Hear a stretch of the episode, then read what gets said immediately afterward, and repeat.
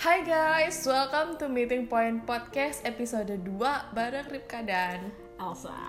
By the way, bulan Februari ini ada banyak perayaan ya Apa tuh? Selamat tahun baru Imlek buat yang merayakan Kalian koile Dan selamat hari Valentine juga buat yang merayakan Happy Valentine.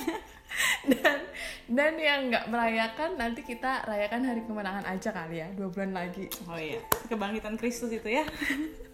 eh tapi ingat, kita sudah dimenangkan ya. Iya, jadi nggak perlu lomba banyak-banyakan lagi. Hashtag Iya. pesan moral ya.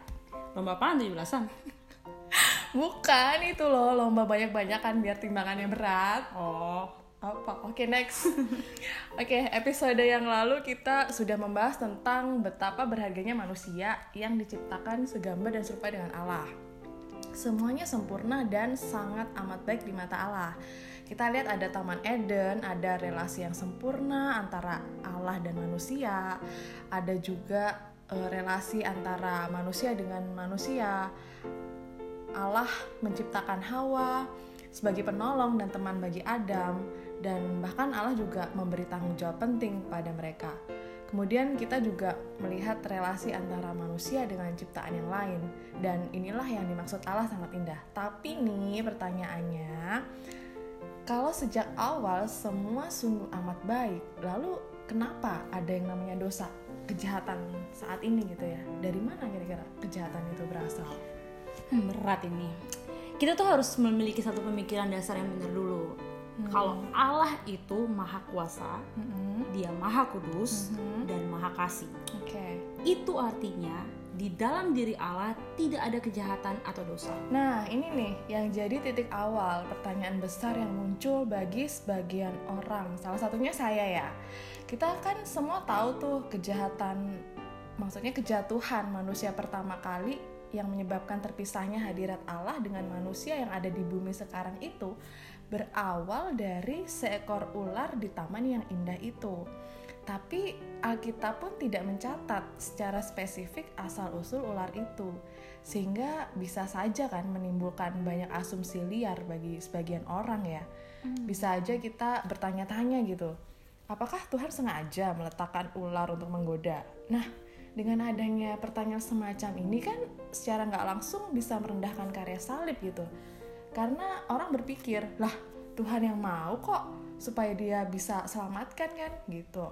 Jadi gini, pemberontakan pertama kali itu sudah ada sebelum peristiwa manusia dan ular ini.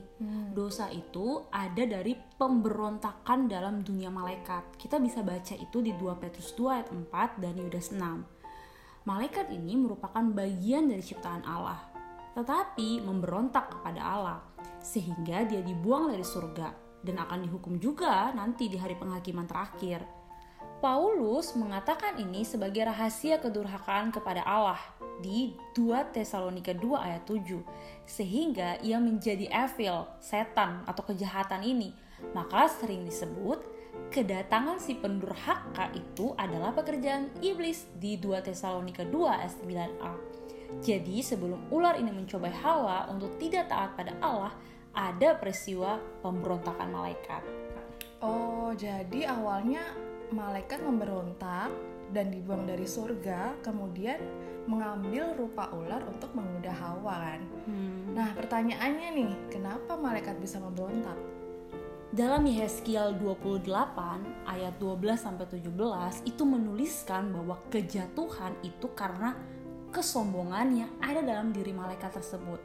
Dan kita bisa katakan bahwa semua pemberontakan dan kedurhakaan malaikat itu terhadap Allah ini terjadi karena kemauan sendiri perlu digarisbawahi nih kemauan sendiri untuk melawan Allah. Jadi kejahatan atau dosa itu bukan berasal dari Allah, tapi dari pemberontakan dalam diri malaikat. Jadi eh, dari sini kita memahami bahwa iblis si setan ini disebut juga pencetus dosa yang selalu menipu, mengganggu, mengkhianati, mencabuli dan menghancurkan segala sesuatu yang disentuhnya. Bisa dibilang ini berawal dari kesombongan ya. Makanya jangan sombong. Iya, iya, iya. iya. Kalau lihat dari peristiwa kejatuhan manusia dalam dosa nih, berarti si iblis ini memang berniat mau mengajak manusia yang diciptakan mulia ini untuk ikut memberontak juga kepada Allah ya. Hmm, bisa dikatakan seperti itu. Namanya juga bapak segala pendusta. Jadi pada saat di Taman Eden itu kan, Allah membebaskan manusia nih untuk memakan semua pohon yang ada dalam taman itu. Boleh mereka makan buahnya dengan bebas. Ya kan? Iya. Dan memberi, tapi tidak hanya segitu. Tuhan tuh memberi satu larangan kepada manusia.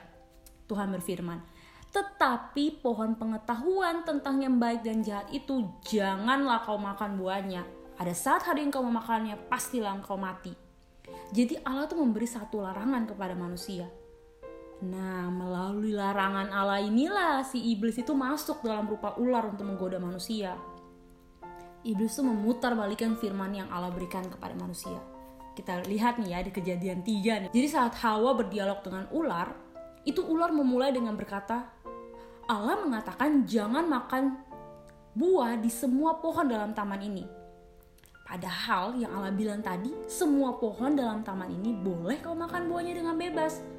Setelah itu kan Hawa jawab, Hawa jelasin tuh di ayat 2 dan 3. Kalau larangan Allah tuh cuma satu terhadap pohon pengetahuan yang baik dan jahat ini. Kalau dimakan, maka mereka akan mati. Nah, di sini ular yang licik dan picik itu masuk lagi. Dia bilang, sekali-kali kamu tidak akan mati. Padahal jelas-jelas tadi Allah tuh bilang pastilah engkau akan mati. Tipuannya dahsyat Dahsyat. ya, iya. Kemudian iblis nih masuk dengan mengatakan, pada waktu kamu memakannya, matamu akan terbuka dan kamu akan menjadi seperti Allah, tahu tentang yang baik dan jahat. Nah, kata-kata inilah yang membuai Hawa. Hawa terbuailah dengan kata-kata rayuan dari si setan ini.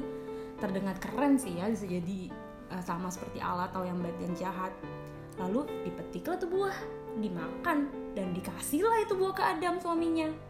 Saat itu manusia menjadi memberontak terhadap Allah dengan apa? Melanggar hukum yang Allah berikan itu, larangan itu. Tetapi mereka bukan hanya sekedar melanggar, mereka juga menciptakan hukum baru. Gimana tuh? Ya ketika mereka makan buah dari pohon terlarang itu, mereka seakan berkata kepada Allah bahwa mulai saat ini kami akan memutuskan bagaimana kami hidup. Kami akan menentukan mana yang baik dan mana yang jahat, bukan engkau. Ini adalah akar pemberontakan yang sangat awal, natur dosa manusia.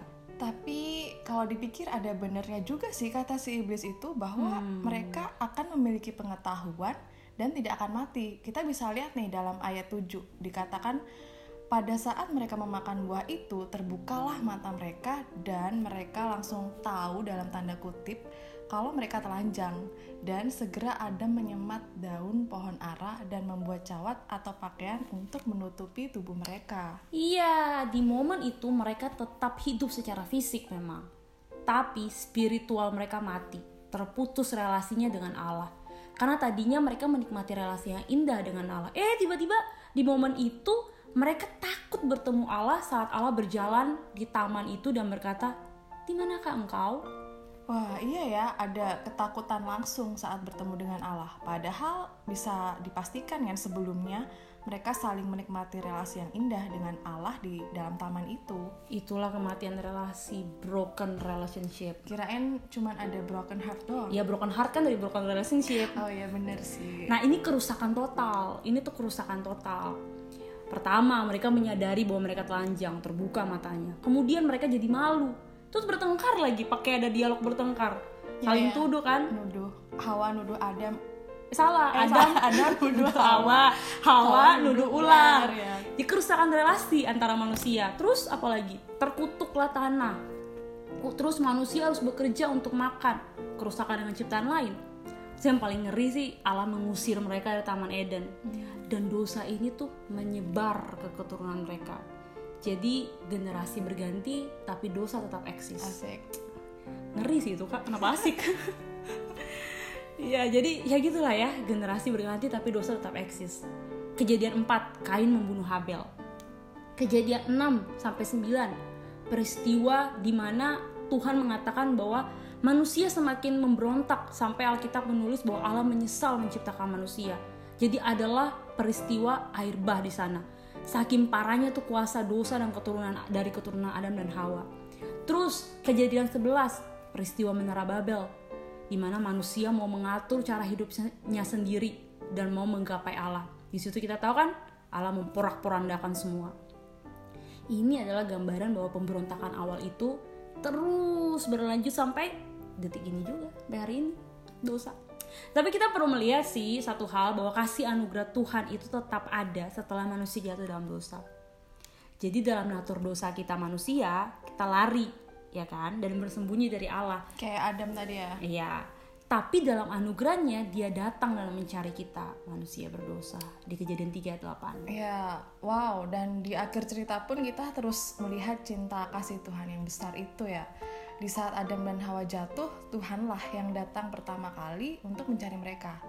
Satu lagi yang bisa kita pahami tentang pohon pengetahuan yang ada di tengah taman itu. Kan Tuhan memberi kehendak bebas nih dalam diri manusia yang membuat manusia bebas memilih sesuai keinginannya.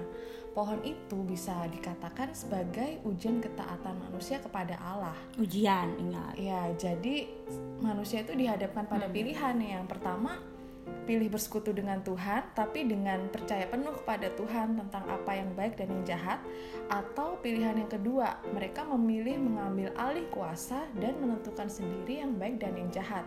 Yang mana Tuhan sudah kasih tahu nih di awal bahwa itu akan membunuh mereka. Ya meskipun pada akhirnya manusia jatuh juga ya dalam tipuan si ular. Ya semoga kita nih terus dikuatkan ya dalam melawan si ular yang adalah iblis itu yang ada dalam diri kita. Biarlah uh, fokus kita tuh selalu memilih Tuhan yang benar, bukan ular yang berbisa. Yes, amin. Sampai di sini dulu episode kita kali ini. See you next episode. Bye.